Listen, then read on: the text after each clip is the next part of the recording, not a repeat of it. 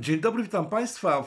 Dziś gościem specjalnym e, Polityko jest pan Roman Kluska, twórca Onetu, twórca Optimusa, e, człowiek, który wprowadził komputery w Polsce pod strzechy, przedsiębiorca, który borykał się w, swego czasu z ogromnymi problemami. E, zniszczono mu firmę dużą, którą stworzył E, własnym sumptem i przy pomocy ludzi, którzy znali się na rzeczy.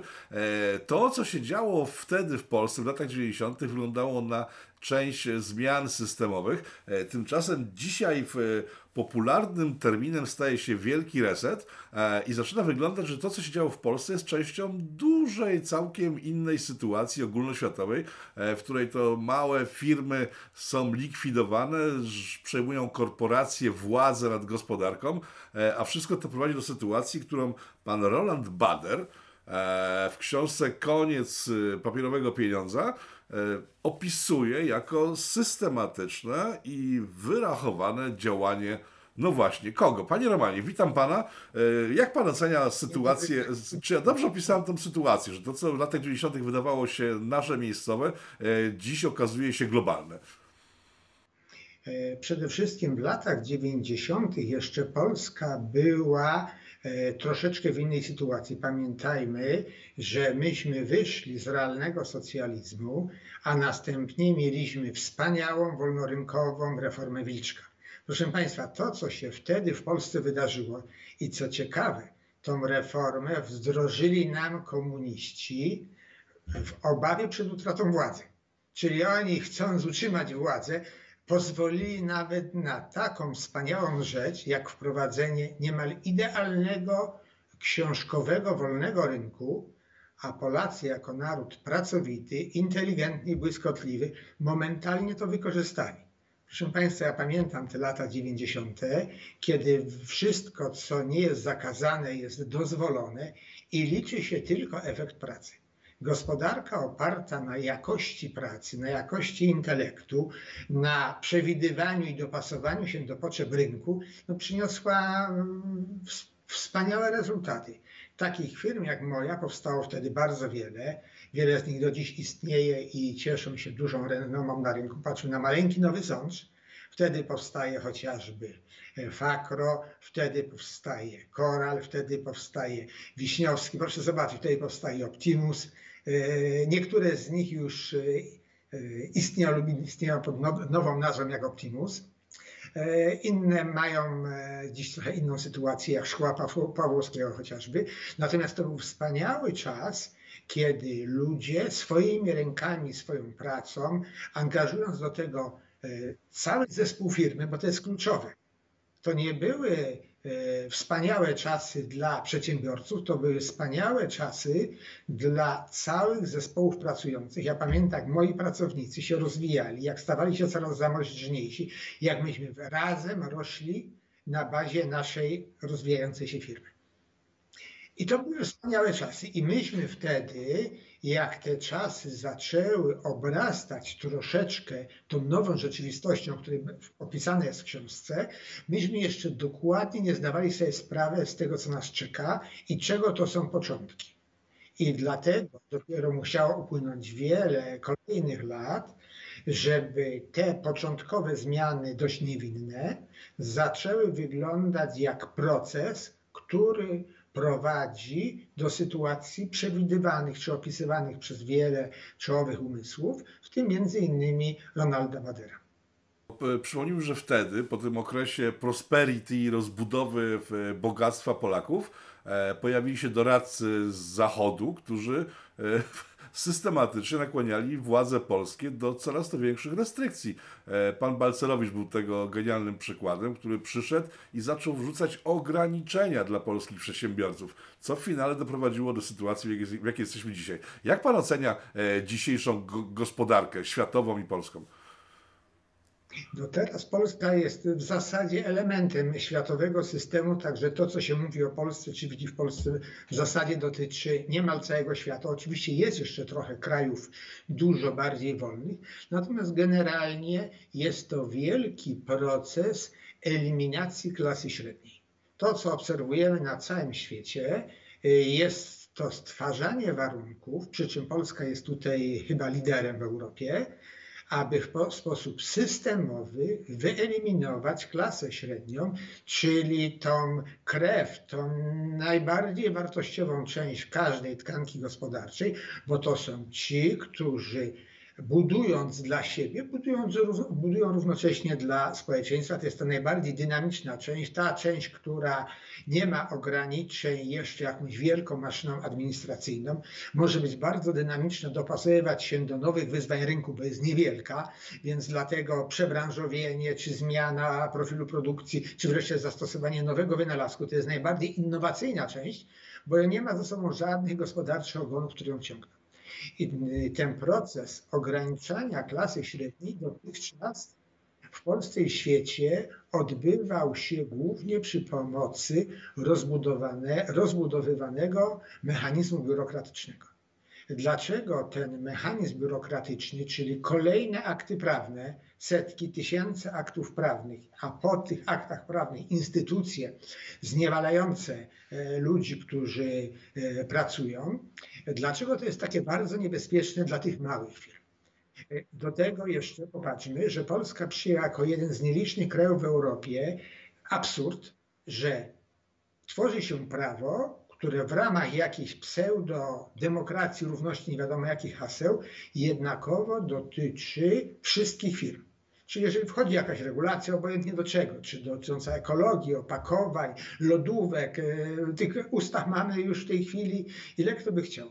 Ona dokładnie to samo wymusza od wielkiej korporacji międzynarodowej i od firmy, która wczoraj wystartowała w tej branży. Co to powoduje? Taka dowolna ustawa przeważnie działa w ten sposób, że wymaga na początku pewnej sprawozdawczości. Trzeba tam czasem wypełnić kilka, czasem kilkadziesiąt stron, bardzo różnymi informacjami. Następnie przesłania, urząd tam to miele, miele, miele, potem przysyła jakąś opłatę czy jakieś tam inne e, wymagania. Natomiast proszę zobaczyć na mechanizm.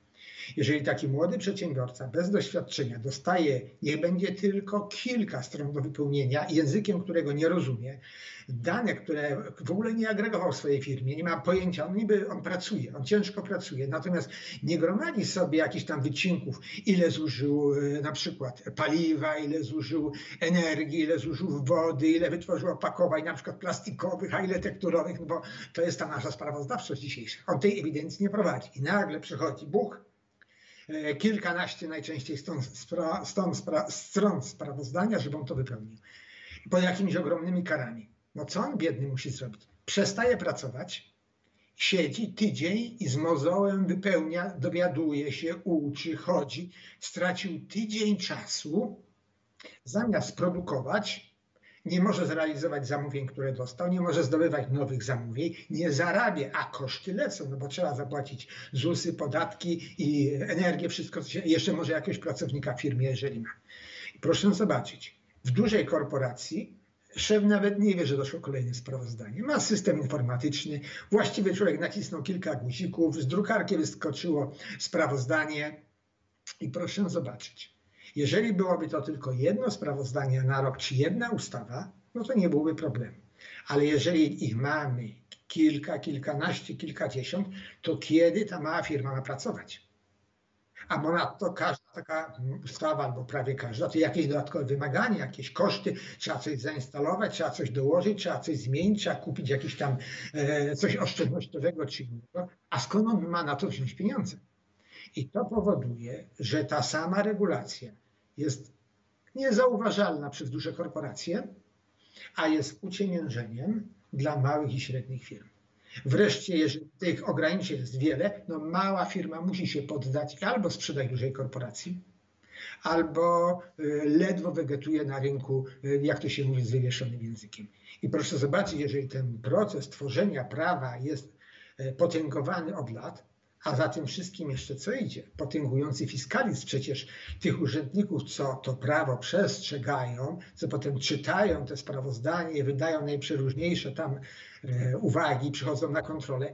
Ile to kosztuje? Skąd biorą pieniądze? Przecież rząd żadnych pieniędzy nie produkuje.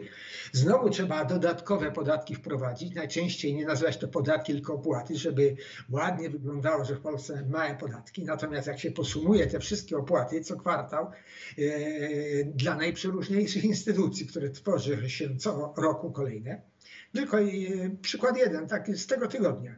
W mojej niewielkiej firmie, moja firma księgowa podniosła mi opłaty miesięczne o 500 zł miesięcznie, bo twierdzi, że to są dodatkowe koszty sprawozdawczości, które no, ona musi ponieść, bo ustawodawca sobie powymyślał, no i ja muszę za to zapłacić. Proszę zobaczyć, 500 zł miesięcznie to jest 6 tysięcy rocznie. Dla mojej firmy to jest całkiem niemało.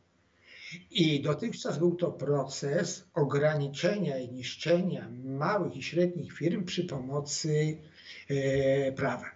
Natomiast od tego roku, czy od e, ostatniego okresu, doszedł jeszcze drugi mechanizm, który jakby mało było tego bata biurokratycznego, dokłada jeszcze przedsiębiorcom e, nieznane dotychczas narzędzia, mianowicie duże firmy zaczynają mieć wielkie korporacje międzynarodowe, finansowanie bez kosztów.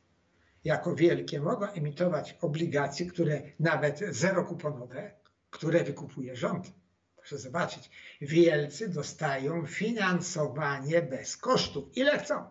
Przecież obligacji można sobie wyemitować e, ile kto chce. Mały musi przejść całą procedurę bankową, ponieważ ryzyka na rynku rosną, to coraz wyższe odsetki. I jaka jest e, konkurencja, jaki to jest wolny rynek, jakie to są idee kapitalizmu, jak jedni mogą sobie e, e, dysponować dowolnymi kwotami bez kosztu, a drugi jest obciążany wysokimi odsetkami, jeszcze do tego jeszcze prowizje, jeszcze jakieś tam ponaglenia, wytyczne banku i tak dalej, i tak dalej. Proszę Państwa, do systemu zniewolenia przy pomocy biurokracji, który już znamy od lat, doszedł ostatnio bardzo silny oręż dla wielkich korporacji, żeby wyniszczyć tych małych, nierówność w dostępie do finansowania.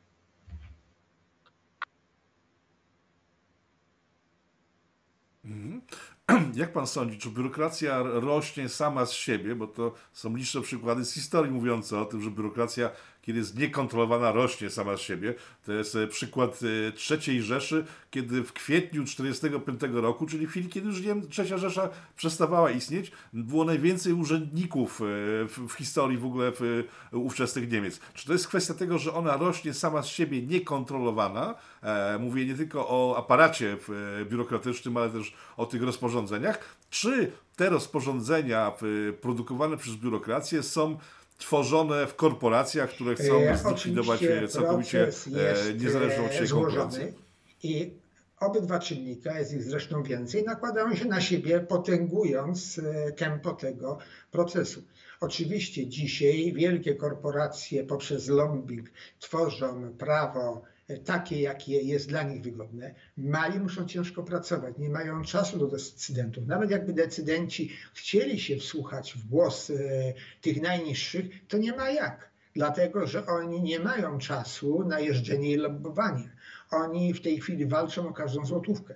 Natomiast ci duży mają swobodny dostęp, no bo są duży, mają często jeszcze poparcie swoich rządów, jeżeli to są korporacje międzynarodowe, i w związku z tym e, jest tutaj, można powiedzieć, całkowita asymetria e, w sensie dostępu do decydentów. Z drugiej strony rośnie ilość e, ludzi, którzy nauczyli się żyć wygodnie, bezpiecznie, i to bez większej odpowiedzialności, bo dziś popatrzmy, jaki mamy proces. To są takie, można powiedzieć, poboczne po tymi głównymi, co mówimy.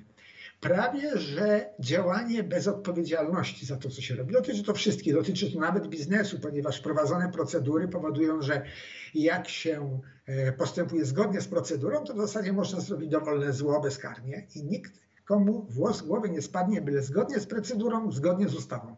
A czy to ma sens, czy to robi szkodę, czy to jest e, e, dobre dla obywateli, oczywiście to jest rzecz całkowicie pomijalna. Więc wracając do naszego sedna, e, nie wiem, co się tu u mnie stało. Aha. Wracając do sedna sprawy, e, biurokracja rośnie napędzona bardzo wielkimi, bardzo wieloma czynnikami, nie mówiąc jeszcze o tym chyba kluczowym, To, co bardzo ładnie zauważył Reagan, kiedy sprzątał po demokratach, którzy mu stworzyli ogromną ilość regulacji, podatków, stłamsili gospodarkę amerykańską, zdawał sobie sprawę, i pięknie to jest opisane w jednej książek analizujących e, jego reformy, że zdawał sobie sprawę, że w pierwszych stu dniach po objęciu władzy albo dokona zmian, albo zmian nigdy nie dokona. Reagan był świadomy tego, że jak jego ekipa wejdzie w te wygodne stołki, zobaczy, jakie ma władztwo zostawione po poprzednikach, że w zasadzie mogą wszystko, bo tej biurokracji już nawet w Stanach było wtedy tak dużo, że mogą czerpać dowolne pieniądze z bardzo wysokich podatków. Wobec powyższego on wiedział, że jak pozwoli się swojej ekipie zagnieździć w tych wygodnych e, stołkach, to żadnej reformy nie zrobi. I w związku z tym e, jest to kolejny proces, że ci wszyscy, którzy się przyzwyczaili do e, tej sytuacji, już nie chcą zmian, bo jest, jest za dobrze, a wszyscy nowi, którzy mają dobre intencje i chcieliby dokonać zmian, bardzo często i szybko się demoralizują po objęciu władzy, widząc, no, jak tu jest mi dobrze w tą pułapkę zdaje się wpadł y, obecny rząd Zjednoczonej Prawicy, który w, związku z tym, że nie przeprowadził szybko zapowiadanych reform, e, w tej chwili zamienił się w platformę BIS. To jest moja opinia. Wie pan co, to nie jest problem tylko obecnej władzy, to jest problem e, powszechny. E, to jest problem, który jest obserwowany na całym świecie i dotyczy każdej ekipy, Y, także y, no, przypisywanie tego, że akurat jedni są lepsi, drudzy gorsi, ja bym tutaj nie widział. Po prostu jest to, można powiedzieć, prawo, które obserwujemy y, przy wszystkich obejmujących władzę. Ja nie oskarżam akurat tej ekipy, tylko po prostu tak, tak, tak jak Pan mówi, no, wchodząc w ten system, e, uczymy się go. To jest coś, co kiedyś Kisiel e, powiedział, Pan Kisielewski powiedział dość nieładnie, że e, jesteśmy e, i się urządzamy w tym e, ciem, ciemnym miejscu i to jest najbardziej tragiczne. Tylko takie pytanie, e, co mogą zrobić rządy takich państw jak Polska, małych państw, e, żeby wyrwać się z tego systemu, bo ten system jest ogólnoświatowy. W chwili, kiedy doszła do władzy ekipa Zjednoczonej Prawicy i mówiła o tym, że chce wprowadzić reformy, e, szum i hałas, jaki rozległ się za granicami, szczególnie e, w Unii Europejskiej, był przeogromny, bo oni byli przerażeni i sądzili, że faktycznie Polska może coś zrobić. W finale nic nie zrobiła większego, więc pytanie, co takie rządy państw, które chciałyby się wyrwać z tego schematu, mogą właściwie zrobić, w chwili, kiedy grozi im wyrzucenie poza nawias społeczności demokratycznych. E, myślę, że recepta jest znana od dawna, a mianowicie e, każdy wie, że uzależnienie gospodarcze powoduje uzależnienie polityczne. Czyli silna, prężna gospodarka, e, gdybyśmy taką w Polsce stworzyli, to wtedy stalibyśmy się partnerem, którym mógłby na równych prawach rozgrywać bardzo różne aspekty życia politycznego. Kluczem jest gospodarka siła gospodarki, posiadanie własnych zasobów e, e, jest, e, można powiedzieć, rozwiązaniem problemu jakiegokolwiek państwa. I teraz na świecie mamy sprawdzone reguły, co robić, żeby ta gospodarka szybko i sprawnie ruszyła. Mamy wiele przykładów w skali świata. Mamy przykłady gospodarki amerykańskiej i Reagana, mamy przykłady pani Thatcher.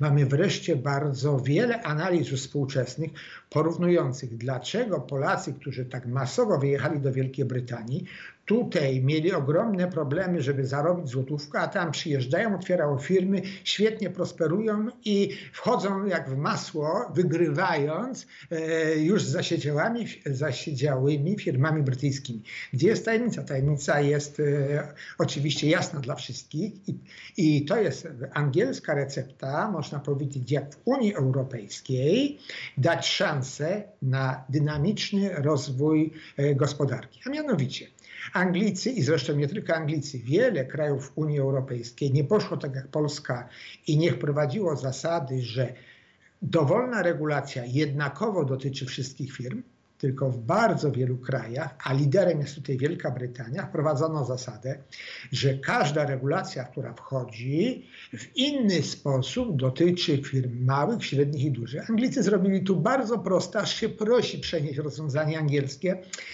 myślę, że niewielki wysiłek, żeby się z nim zapoznać, jest bardzo skuteczny, o czym świadczą e, rzesza Polaków, która tam osiągnęła sukces. Więc wystarczy to samo zrobić w Polsce. Co zrobili Angielscy, Anglicy? Anglicy niemal w każdej ustawie, poza chyba podatkową i o rejestracji firmy, wprowadzili następujący jeden akt prawny na początku, że ta ustawa nie obowiązuje firm, których obrót za poprzedni rok jest poniżej na przykład 5 milionów funtów. Przy różnych ustawach jest to różna kwota. I proszę zobaczyć, w Wielkiej Brytanii niemal w każdej ustawie mamy dwa progi. Pierwszy próg, gdzie dana regulacja nie dotyczy w ogóle małych firm. Małe firmy mają e, kodeks pracy, mają prawo karne, e, mają prawo cywilne, mają sądy. Jeżeli zatrujesz środowisko lub ludzi, to odpowiadasz karnie i cywilnie. Nie potrzeba ci tu 100 procedur, hatsapów, nie wiadomo czego i jeszcze 50 urzędników, co cię kontrolują. Wystarczy odpowiedzialność cywilna, która jest piękna, bo kształtuje charaktery i odpowiedzialność za co się, co się robi i wreszcie powoduje, że człowiek myśli, co nie robi, a nie ślepo patrzy w te y, papierki i tylko, y, nie chcę użyć brzydkiego słowa, co sobie tymi papierkami zasłania, żeby być bezpieczny. Y, następny krok w prawie angielskim jest taki, że jeżeli jesteś średnią firmą, to masz do wyboru. Możesz tą procedurę przestrzegać tak jak duży, ale wybór jest twój. Albo zależnie od obrotu za poprzedni rok wpłacasz ryczałt i dalej cię ta ustawa nie obowiązuje. I proszę Państwa, dalej działasz, rozwijasz się, że jesteś już średni, e, bardzo szybko i dynamicznie, bo cię w ogóle te ustawy nie obowiązują. Ponieważ jesteś już średni, to możesz do budżetu jakąś tam daninę wpłacić, jest to logiczne i uzasadnione. I mamy piękną sytuację, że taka gospodarka jest bez żadnych, e, można powiedzieć, biurokratycznych zabiegów, innowacyjna, jest bardzo dynamiczna, szybko się rozwija, ma liczącą się klasę średnią, ponieważ tej średniej klasie jest, e, nie jest ona systemowo likwidowana. I dzięki temu, e, mówię, tysiące Polaków empirycznie potwierdziło słuszność tamtego rozwiązania, a przy naszej pracowitości, popatrzmy, transformacja lat 90. to wyzwolenie ogromnej e, przedsiębiorczości Polaków. Przy naszym intelekcie, przy naszej pracowitości e, dać nam rozwiązanie angielskie ja jestem spokojny o rolę i pozycję Polski w Europie i na świecie. Rząd może założyć nogi, będzie miał dużo pieniędzy za, na socjal z bardzo małych podatków, bo z jednej strony nastąpi ograniczenie dużej biurokracji, bo przecież co jest najbardziej kosztowne? Pilnowanie milionów małych firm, a nie kilkudziesięciu tych wielkich. Niech te wielkie kontroluje tym swoją biurokracją, ale wystarczy 10% tej biurokracji. Wreszcie ci ludzie z pensijek 5 czy tam 7 czy ile tysięcy mają ci biurokraci, nie wiem, czy ja nie mam nic przeciwko nim, bo to jest ich praca, oni robią. Natomiast oni przejdą wtedy z miejsc, które tylko marnotrawią pracę innych, w miejsce wytwarzania i to na dużo lepszych warunkach, bo taka prężnie rozwijająca się gospodarka od razu stworzy ogromną ilość bardzo dobrze płatnych miejsc. Ale wrócę do pytania, które zadałem. E, co, dlaczego w Polsce w takim razie nie dzieje się to, o czym Pan mówi, e, co jest dla mnie logiczne i zrozumiałe? Dlaczego my nie bierzemy przykładów z państw, które uwalniają e, swoich obywateli?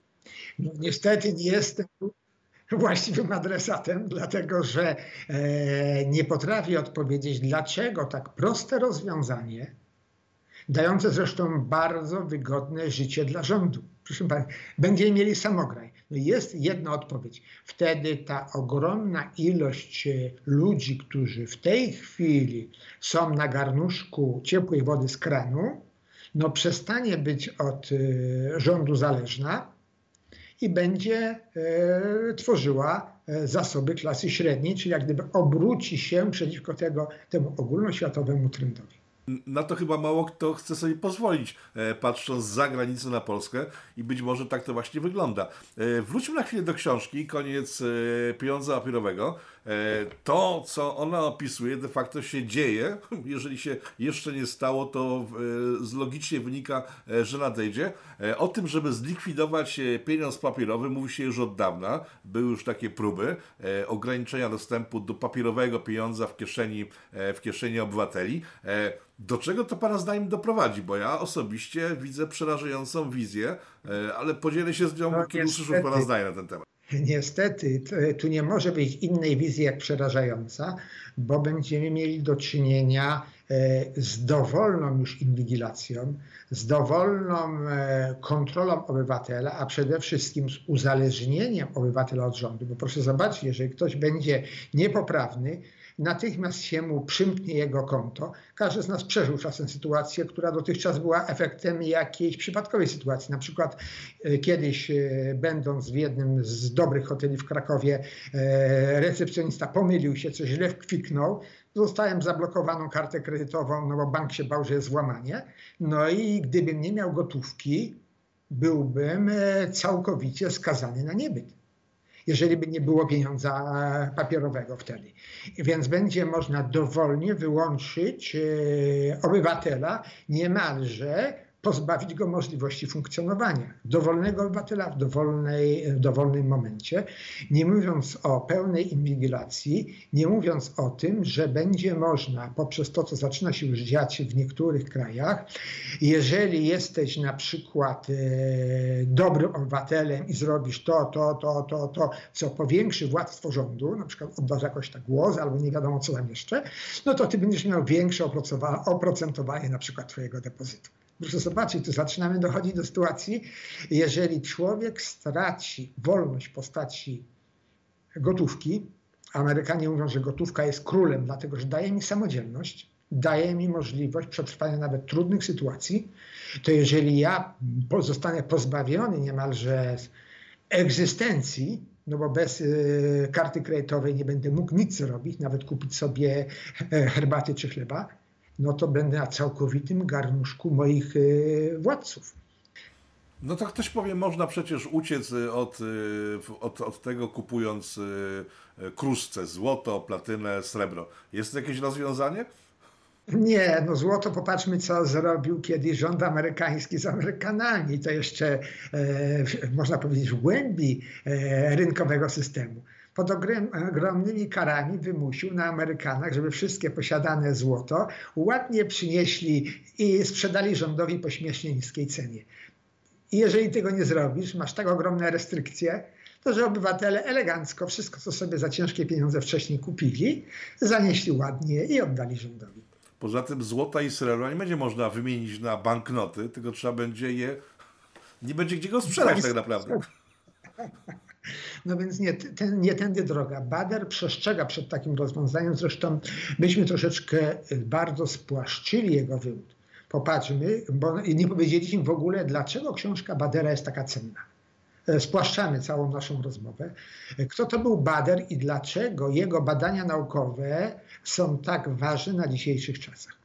Bader był przede wszystkim niemieckim przedsiębiorcą działającym w XX wieku, pochodzącym z rodziny przedsiębiorców, kiedy on przejął w pewnym momencie rodzinną firmę, rozwinął ją do dużej wielkości, to jest około 2000 pracowników, a nagle e, zlikwidował ją, pozyskał pieniądze z likwidacji firmy, stał się całkowicie niezależnym człowiekiem, a ponieważ wcześniej e, studiował u e, laureata Nagrody Nobla Hayeka, E, przejęty jak gdyby jego teoriami ekonomicznymi, będąc niezależnym naukowcem, bo poświęcił się, mając pieniądze, poświęcił się pracy badawczej i naukowej. Przy czym jest to wybitny naukowiec e, w stosunku do innych, dlatego że ma własne finansowanie. Jest całkowicie niezależny i szuka prawdy. I dlatego badania mm, Badera są tak cenne, bo są one niezależne, a jedynym czynnikiem, który go stymuluje, to jest poszukiwanie prawdy, czyli znalezienie wytłumaczenia tych zjawisk gospodarczych i innych, które doprowadziły do tego stanu, w którym wtedy się Niemcy znajdowały. To są Niemcy z przełomu wieków, e, czyli około 2000 roku, a następnie dokonuje analizy, jak będzie dalej się gospodarka i świat rozwijał, do czego to doprowadzi i jak możemy temu przeciwdziałać. I właśnie Bader zmarł w 2010 roku, czyli mamy już 10 lat od jego śmierci. Książka ta, o której mówimy, została napisana dużo wcześniej, bo naprawdę to jest jeszcze nie książka napisana przez Badera, ale to jest wyciąg z jego prac naukowych zrobiony potem przez jego uczniów, e, jego najcenniejsze myśli. I co jest pięknego, że to, co przewidział Bader, się dzieje to wszystko, co obserwujemy w tej chwili w świecie i w Polsce i e, na całym świecie, to Bader przewidział i dlatego można z wysokim prawdopodobieństwem przyjąć, że e, jego model gospodarki, przez niego przyjęty i opracowany, jest prawdziwy, bo się nam sprawdza. I dlatego można przyjąć, że to, co on przewidział, również się sprawdzi i też to, co my robimy, to jest jedna z jego recept, jak przeciwdziałać sytuacji, żeby do tego tragicznego finału nie doszło, a mianowicie e, pokazanie tych mechanizmów, które są w tej chwili w trakcie realizacji. Jak pan ocenia jego wnioski i mechanizmy, które proponuje? No więc e, niestety całe moje doświadczenie gospodarcze pokazuje trafność jego obserwacji i w związku z tym można się obawiać, że to, do czego y, on przewiduje, że świat dojdzie, no niestety też będzie zrealizowane. Jest to smutny koniec. Ja nie chcę tu, że tak wyrażę, przekazywać całej wiedzy książki, bo nie dam rada, zrobiłbym to szybko i byle jak. Natomiast y, jedyną skuteczną drogą dla niedoprowadzenia tego smutnego scenariusza, zresztą co jest ciekawe, do tych samych wniosków doszedł, czy do finalnego wniosku doszedł Jan Paweł II w swojej książce Pamięć i Tożsamość. Także to nie jest tak, że to jest przypadkowy jakiś jego wniosek. Proszę zobaczyć ten e, nasz chyba no, Mm, jakiś wzorcowy autorytet, na którym się opieramy w tej chwili, dochodzi do tych samych wniosków i tych samych obaw i tych samych zaleceń dla nas w sensie niedoprowadzenia do tej sytuacji. Wobec powyższego e, kluczową sprawą jest, aby wiedza o mechanizmach stała się powszechnie dostępna i teraz świadomość obywateli jest najlepszym czynnikiem, żeby każda władza dopasowała się do świadomego społeczeństwa. Jeżeli nasze społeczeństwo będzie świadome tego procesu, to wtedy nie pozwoli sobie manipulować i nie pozwoli sobie na sytuację, że proste rozwiązania, które mogą spowodować nieporównywalnie wyższy poziom życia Polaków i dużo wyższy komfort tego życia i dużo większe bezpieczeństwo tego e, naszego kraju, no nie będą przez e, rząd podejmowane.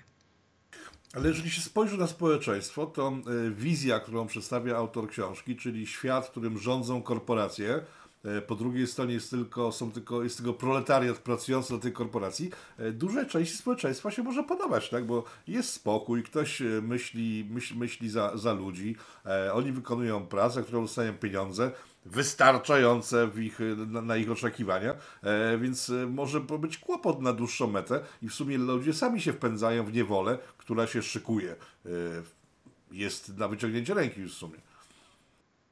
E, to prawda. Popatrzmy na proces, który się w tej chwili przyspieszył, zresztą Bader przewidział. Bader tylko nie wiedział, czy ten ogromny druk pieniądza będzie spowodowany, bo on przewidział, że rząd wywoła panikę. Tylko i on tam przewidywał, że albo będzie to jakaś panika zagrożeniu wojną, albo będzie to jakiś kataklizm czy choroba. Bader tylko tego nie przewidział, że będzie to akurat e, e, wirus. Natomiast przewidział sytuację, kiedy rządy znajdą pretekst, żeby dokonać ogromnego dodruku pustego pieniądza. I to jest zamach na nasz poziom życia, bo proszę Państwa, to, że się drukuje pieniądze, to jedno, ale ilość towarów i usług wcale się nie zwiększyła. No jest, każdy potrafi sobie wyobrazić, że e, ten potężny dodruk pieniądza, jeżeli zostanie teraz uwolniony, po całe szczęście, że ludzie mając jeszcze troszeczkę takiego intuicji samozachowawczej, boją się niewiadomej przeszłości i nie, e, ten pieniądz nie wchodzi jeszcze do szybkiego obiegu. Nie, nie cyrkuluje szybko, ludzie po prostu trzymają pieniądze, oszczędzają, chcąc mieć rezerwę na trudne czasy.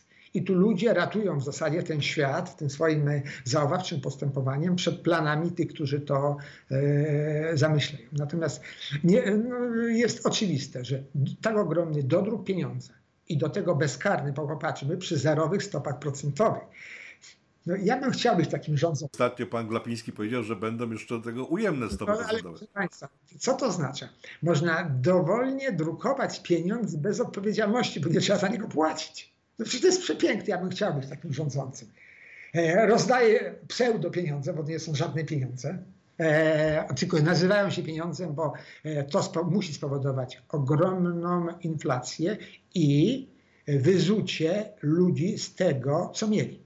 Proszę Państwa, e, to bardzo ładnie wygląda, bardzo ładnie kupuje się e, iluzję państwa opiekuńczego, że wszyscy będą mieli zapewnione to, to, to, to, to. Jak mogą mieć zapewnione to, jak cały czas się e, krępuje siły wytwórcze? To tych ludzi, którzy ciężko pracują. Nie może być cudu, bo tu trzeba by cud zrobić, żeby ograniczając, oczywiście wzrasta wydajność pracy, ale ilość do druku jest nieporównywalna ze wzrastającą wydajnością pracy. To nie ma w ogóle sensu. Po drugie, e, no, to jest całkowicie rozjechane.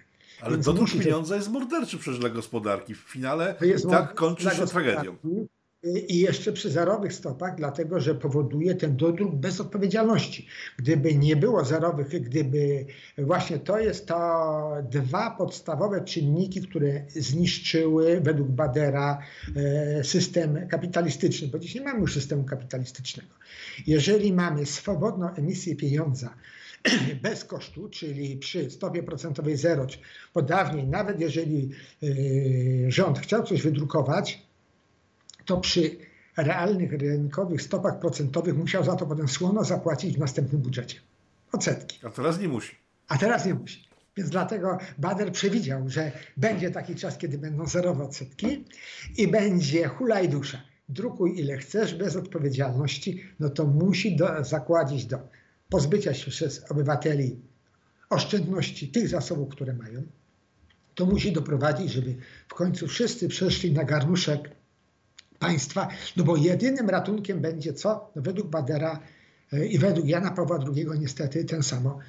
E, kolejny system totalitarny pod piękną nazwą demokracja.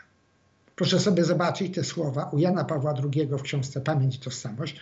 On tam wychodzi od innych przesłanki, że jeżeli będziecie tak tworzyć prawo, które w zasadzie was całkowicie zdeterminuje, to będziecie mieli ten totalitaryzm pod piękną nazwą. Badar dochodzi do tego samego od strony ekonomicznej. Ciepła woda z kranu, całkowicie uzależnienie obywateli od e, państwa i elitarnej grupy korporacji. I totalne zniewolenie pozostałych, którzy nie są członkami systemu. Tej elity, tej elity.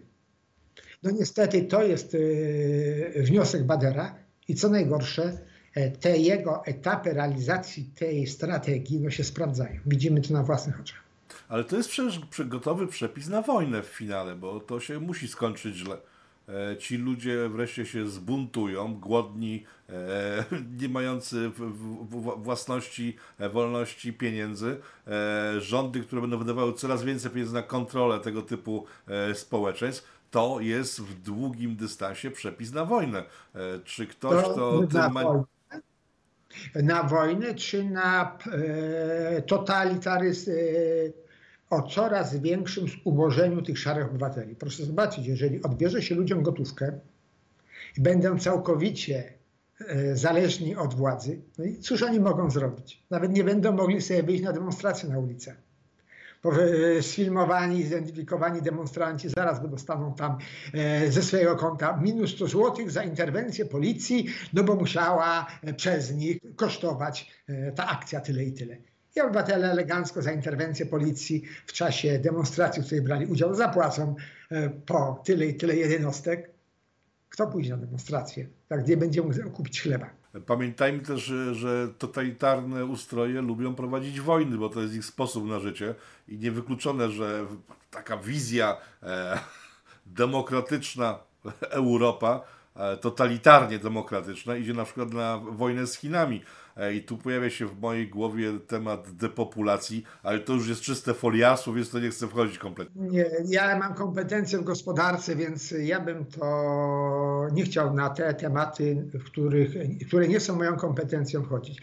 Ja tylko widzę, do czego prowadzą gospodarcze procesy, których byłem świadkiem już e, w czasie, kiedy byłem aktywnym przedsiębiorcą w dużej firmie, wszystko to obserwowałem, można powiedzieć, na własnej skórze. Teraz obserwuję jako mniejszy przedsiębiorca i rolnik. To w takim razie końcowe pytanie. Jak Pana zdaniem to wszystko się zakończy? Bo to musi mieć jakiś swój koniec.